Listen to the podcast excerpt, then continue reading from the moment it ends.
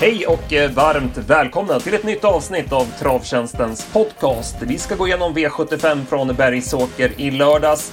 Sen har vi V86, det delas eh, mellan Bjerke och Solvalla. Vi har tidiga speltankar dit. Och sen har vi V75 jackpot på Jägersro lördag. Mitt namn är Andreas Henriksson och jag har med mig Dennis Palmqvist. Ja, Dennis, du jobbade med slutspelet i lördags. Det var V75 från Bergsåker. En tråkig omgång på alla sätt och vis tycker jag. Eh, dels eh, låg utdelning och även händelsefattiga lopp. Ja, det var ju känslan och jag... vi har ju eftersnack också på hemsidan som, som kommer senast på söndag då efter V75 och när jag skrev det så tänkte jag att det var inte mycket som, som hände här någonstans att plocka med. Det var många händelsefattiga lopp och mycket mycket spetsvinnare som rann undan enkelt. Så var det. Eh, vi fick en bra start tyckte vi annars med Algot Sonett. Det var ju en favorit som många ändå försökte att fälla. Han blev väl spelad på 30% innan det var klart. Eh, men vi gick ju hårt på honom och eh, det visade sig vara rätt. Han vann loppet.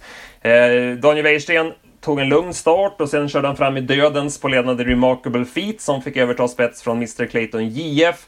Och eh, då kändes det väldigt bra och han såg stark ut hela vägen.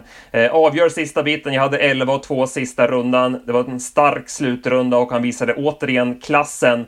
Men eh, visst var det så att han fick sitta och bära honom lite till slut? Ja, men jag vet inte, jag har sett förut när han kör just Algot att han ofta sitter sådär. Jag vet inte vad det vad det beror på riktigt, för det såg inte ut som att han föll ur i stilen någonting att prata om, men jag har sett det förut att han gillar att sitta lugn just med honom och bara picka lite och, och ta honom i mål helt enkelt. Mm.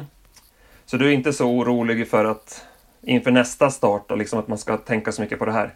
Nej, jag tror inte det. Jag, jag, inte just med att jag har sett han göra sådär flera gånger förut, just med honom, att han sitter väldigt still och bara litar på att han kommer gå förbi av sig själv på något vis. Att, och det gör han ju varje gång än så länge. Så att det, det verkar mm. Ja, jäkla klassig sort eh, med helt rätt inställning. Och de där ryktusserna, de sitter fortfarande kvar i öronen, som vi brukar säga i varje podd. Ja. Eh, Remarkable Feet gör ju ett bra lopp. Man kände ju tidigt att eh, Algot var ju klassen bättre och att han skulle plocka ner honom. Men han stred ändå på bra och det blev ju ändå tight i mål. Ja, det var två bra insatser och, och trean och fyran hade ju sparat också som man kan ta med sig till nästa gång. Mr Clayton, JF och, och framförallt Donnersam såg också ut att ha rejält med krafter kvar.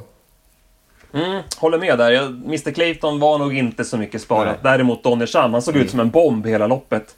Det var ett dunderbra intryck på honom, verkligen. Mm, och så fick Magnus Ljus eh, dåligt betalt med en perfekt styrning med Electrical Storm. Han han lurade sig ut i andra utvändigt när Wäjersten kom och, och, kunde sitta kvar där länge, men det, det fanns inget spurtkrut kvar. Nej, han var uddlös.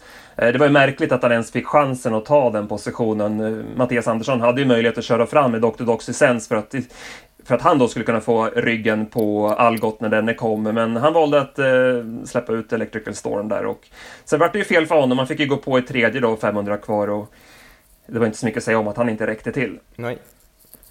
Merritt kan vi ta med oss fortsatt också. Han sköt till bra efter sin lucka och håller sin knallform. Jo. V75s andra avdelning. Det blev ett tråkigt lopp även det här. Favoriten Essie Gonzales till spets. Eh, som du skrev i eftersnacket där, det var väl det mest kritiska från start där de sprang och ruskade på skallen och galoppen såg inte ut att vara så långt borta. Nej, hon var lite, det var nog något halvt steg där nästan, men, men Jorma satt lugn och, och hon redde ut det mesta själv och, och klev iväg till slut i alla fall. Och sen, sen hände det inget mer i loppet kan man säga. Nej, hon fick överta ledningen från Bellis frontline.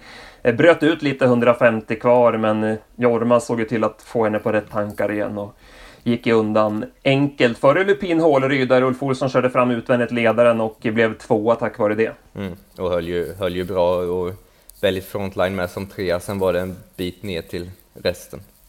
Mm, fanns ändå några att ta med sig tycker jag. Mm. Eh, framförallt Melby Guava.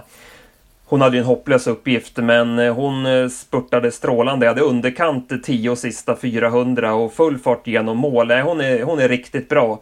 Eh, sen satt ju listas Titanic fast med oryckt norsk. Belgodiva sköt ju till bra också såg formstark ut. Eh, däremot IS Elisabeth, hon fick visserligen gå på i fjärde, 500 kvar. Det är ju för tidigt för henne, men det ebbade ändå ut lite väl enkelt även den här gången. Och, nej, hon har inte den där rätta formen. Nej, och sen så som du sa, hon eh, det är ju, även om det bara är 500 kvar så är det alldeles för tidigt för henne. Hon vill, den speeden som hon lägger där på baksidan vill hon ju ha 200 kvar helst och, och dessutom vara kanske i bättre form än hon är just nu. Ja, det här var väl första starten med hakar i skorna och sådär. Hon är ju bäst barfota. Ingen snack om den saken. Vi går vidare till V75 3. Och eh, även här odramatiskt lopp. Eh, ja. Häfneram tidigt Det kanske var det mest odramatiska av alla. Ja, det här var ju ett deppigt lopp måste ja. man säga. Vi, vi, vi, vi säger det i podden varje vecka när det är sådana här långlopp eh, i samma klass. Det blir ju favoriten till spets och sen får de bestämma. Det finns ingen som kan göra någonting eh, och eh, 13 sista varvet räckte för att vinna hur lätt som helst. Ja, nej, och det var ju, han var inte fullbrukad på något sätt. Det var ju väldigt enkelt. Ja, det är en talangfull häst. Eh, snyggt intryck där när han borrade ner sig 750 kvar och bara tog fart och stack iväg där. Det var läckert intryck. Och det är ju en häst som har kommit igång sent och man förväntar sig ju mycket av honom här under året och det har man väl rätt att ha så höga tankar om hästen. Ja, och en toppmamma där som jag skrev lite om i, i eftersnacket, She Loves You, FI som Jasmine sköt om på i slutet av karriären där i alla fall. Så att det, han har brås på och han vansläktas inte ännu som det ser ut. Var det någonting du tog med dig bakifrån i det, i det här loppet bakom, bakom favoriten? Mm, ja, det var väl Santi Stackery som gick bra också, annars var det väl ingen så som jag hade med mig, men hade du någon som satt fast eller något liknande? Ah, nej, det var, de, de svek ju. Ends in the Pants var väl mest bara seg bara från andra utvändigt. Eh, Vega Face gick ju fram utvändigt, och, men hon var ju aldrig med chans. Eh, Nej, jag kan, jag kan inte säga att jag hade någon nästa gångare här. Nej. Spartan Cougar satt väl fast lite grann den sista biten, men samtidigt så stod de väl still då där framför. Så att, eh, nej, vi, vi glömmer det loppet, men det var en fin vinnare i alla fall i Häftneram. Ja. Vi, vi går till kallblodsloppet. Vi trodde mycket på BB Rune, men eh, han rådde inte på Våler Nikolaj den här gången. Han gjorde väl ungefär det vi hade förväntat oss, BB Rune. Han går 21 och 3 sista rundan. Eh, men Våle Nikolaj var lite bättre än vad vi trodde att han skulle vara. Eh, nu vart han ju fint framdragen av vårt Charvald, men han svarar ändå säkert när BB Rune försöker utmana på upploppet. Ja, det var precis den känslan jag hade också, att det var, BB Rune var exakt så som man trodde på förhand, så bra som man trodde, men att Nikolaj hade hört, höjt sig ett par hack från senast, så att, eh, och var i bra slag även med skor på nu. Mm. Sen är det fortfarande en bit kvar till det där loppet han gjorde på Valla för Björn där. Då var han ju snuskigt bra, men då gick han ju också barfota. Ja. Västbo Gladiator, där hade ju Lindroth inte så mycket val. Han fick ju köra till spets där, sen fick han ju en hetsig Halsta Winnex över sig och det vart ett jämnt tempo på det hela och det är väl inte riktigt Västbo Gladiators melodi, så att det är ingenting att säga om att han inte kan stå emot de här två tuffingarna till slut då. Nej. Gule Rubin gick ju starkt efter galopp, annars var det inte så mycket att ta med sig heller från det loppet. Vi går till eh, gulddivisionen och eh, Ulf Olsson var ju verkligen helgens man. Han radade segrar både på fredagen och lördagen och här gjorde han ett snyggt drag med Disco Volante. Ja, det kan man lugnt säga. Han, eh, jag vet inte om han såg att, att han nu satt och tittade på någonting annat eller sådär med Grainfield Aiden, men i alla fall mitt i avancemanget så, så såg man på honom att han bestämde sig för att jag, jag kör all in och, och testar om jag kan ta mig förbi och det, det lyckades ju. Ja, verkligen snyggt kuppat och han var inne, Ulf var inne på att köra bakifrån den här gången med diskovolanten med tanke på det läget han hade då, men som loppet eh, utvecklade sig så gick han på där 1200 kvar och eh, som du säger, blåste till spets och sen var ju loppet över och nej, han var riktigt fin disco. När han är så här fräsch och i ordning så är han ju väldigt bra. Och när det är kallt i luften och en fast och fin bana också så kommer han ju till sin rätt. Ja, och jag tror väl att eh, Ulf kände att han hade inte så mycket att förlora heller på på att kuppa hade han känt att äh, fan, han, han hinner sätta dit benen, då hade han ju satt sig lugn utvändigt sista varvet och, och till 99 procent hade han vunnit loppet då också. Så det, det, var väl inte någon större risk så att göra kuppen den här gången, men den, den slog väl ut. Grainfield Aiden då som blev överrumplad varvet kvar. Han gick ut i andra spår sen, 600 kvar, han är Korpi och hästen håller ju tappert som tvåa. Det är ju en riktig tanks alltså. Mm. Han gillar att mata på både, både häst och kusk i, i jämn hög fart och utan rygg helst. Antonio Trott eh, blev ju hängande från start. Han fick backa sig sist och sen går han ju jättestarkt. Jag hade nio sista 700 och sen var han dagssnabbast sista 200 eh, och flyger ju fram, men han hamnade ju hopplöst till helt enkelt. Mm. Vad säger du om de andra? Ja, Västerbo Grobois måste man väl nämna, gjorde ett eh, väldigt bra lopp. Ville ju inte ha rygg på On Track Piraten utan tog, valde att ta emot honom och sen så kom Grainfield Aiden i nästa läge och då blev ju Rauno tvungen att släppa men han höll, höll bra till fjärde pris. Ja visst, och Rauno hade ju helt täckning för sin styrning. Dels håller ju hästen jättebra och sen var ju Piraten inte alls bra så att nej, det, blev ju, det hade inte varit något bra att släppa till den. Nej, han var ju långt före honom i mål så att det var inget att säga om det. Jag var lite förvånad just när det hände kanske men med, han hade absolut täckning Rauno och, och hästen höll ju riktigt bra. Vi går vidare till V75 6 och här vann Marshall Match eh, enkelt från ledningen. Men om vi inte hade fått en omstart, då hade vi kanske sett en annan vinnare, eller vad tror du? Ja, i alla fall ett annat upplägg på, på loppet. Det, var, det blev mycket som ändrade sig i och med den omstarten. För Jared Boko såg jättefin ut i första starten och satt kloss i rygg på, på Gooner, men eh, inför andra starten så valde Mika Fors att åka av, så att eh, antagligen så skruvade han väl upp sig ordentligt och han kände att det går inte att vända en gång till. Liksom. Så då, då valde han att stryka och åkte av, vilket gjorde att eh, Gardner Shaw istället då fick rygg på Gooner som i andra starten inte alls kom iväg utan stod bara still och galopperade och då fick ju Gardner Shaw honom i knät. Ja visst, vi, alltså, vi, vad det kan ändras ett helt lopp när det mm. blir en sån här strykning. Eh, dels den här omstarten att se att Gooner spetsar för Marshall Match eh, i dödens. Eh, med tanke på att Showtime Jack Flower kom iväg ganska bra så hade ju Gardner Shaw kommit igenom vettigt där från sitt läge också. Eh, nu blev, fick ju han eh, Gooner i, i knät från start och fick ett riktigt tufft lopp. Så han håller ju bra som tvåa Gardner Shaw, men med tanke på hur det här ut, utvecklade sig så kunde han inte ge Marshall Match en, en rejäl match som segern då. Men Ja, nej. Tråkigt för de som hade spelat Gardner så. Det är inte helt lätt att räkna med att den, den där, att åttan ska bli struken liksom. Nej. Och även tråkigt för de som trodde på, på Gooner som klev iväg ruskigt bra i första starten och hade väl tagit hand om ledningen och det, då hade han väl haft vettig chans att vinna loppet därifrån. Så det, det var två hästar som, eh, som försvann ur segerstriden kan man säga med tanke på omstart. Mm. Jag vet, ju, man, man brukar ju diskutera det här att om man har bakom startbilen spår 2 och så blir ettan struken så blir man nedstruken till spår 1.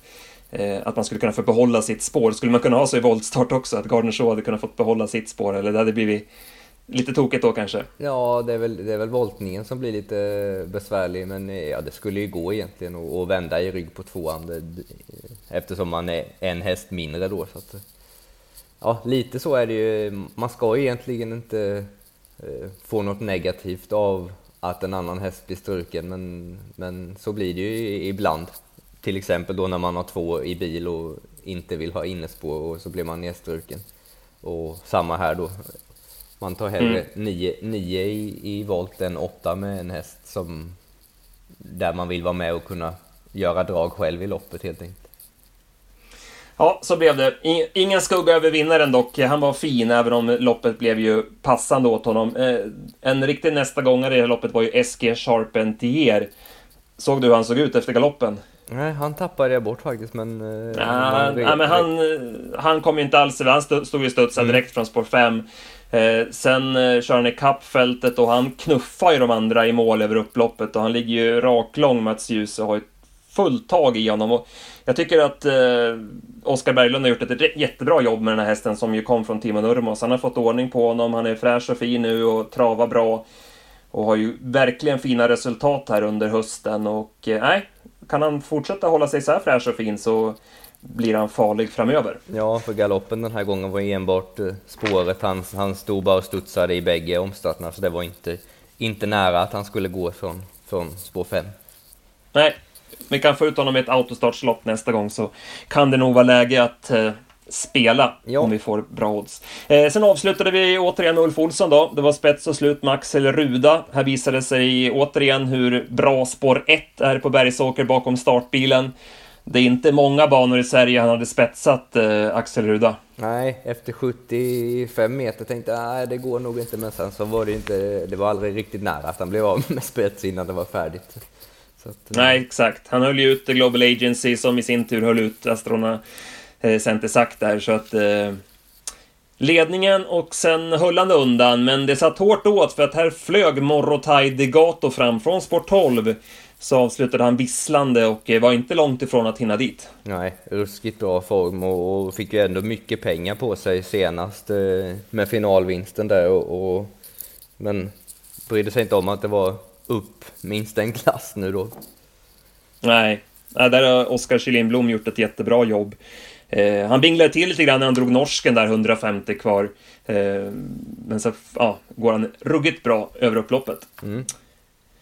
Jag tar med mig Marcus Gallon bakom. Han eh, fick ju sent fritt, eh, men avslutade bra. Eh, han var ju ny i klassen och kommer ju vinna V75 här under vintern. Vad säger du om de andra där? Global Agency, han fick ju dra tåget där. Blev ju långt efter i mål. Mm. Astorna Center sagt tappade jag bort lite, men han gick ju med rygg på Global Agency där, men hade väl ingenting att Nej. sätta i heller.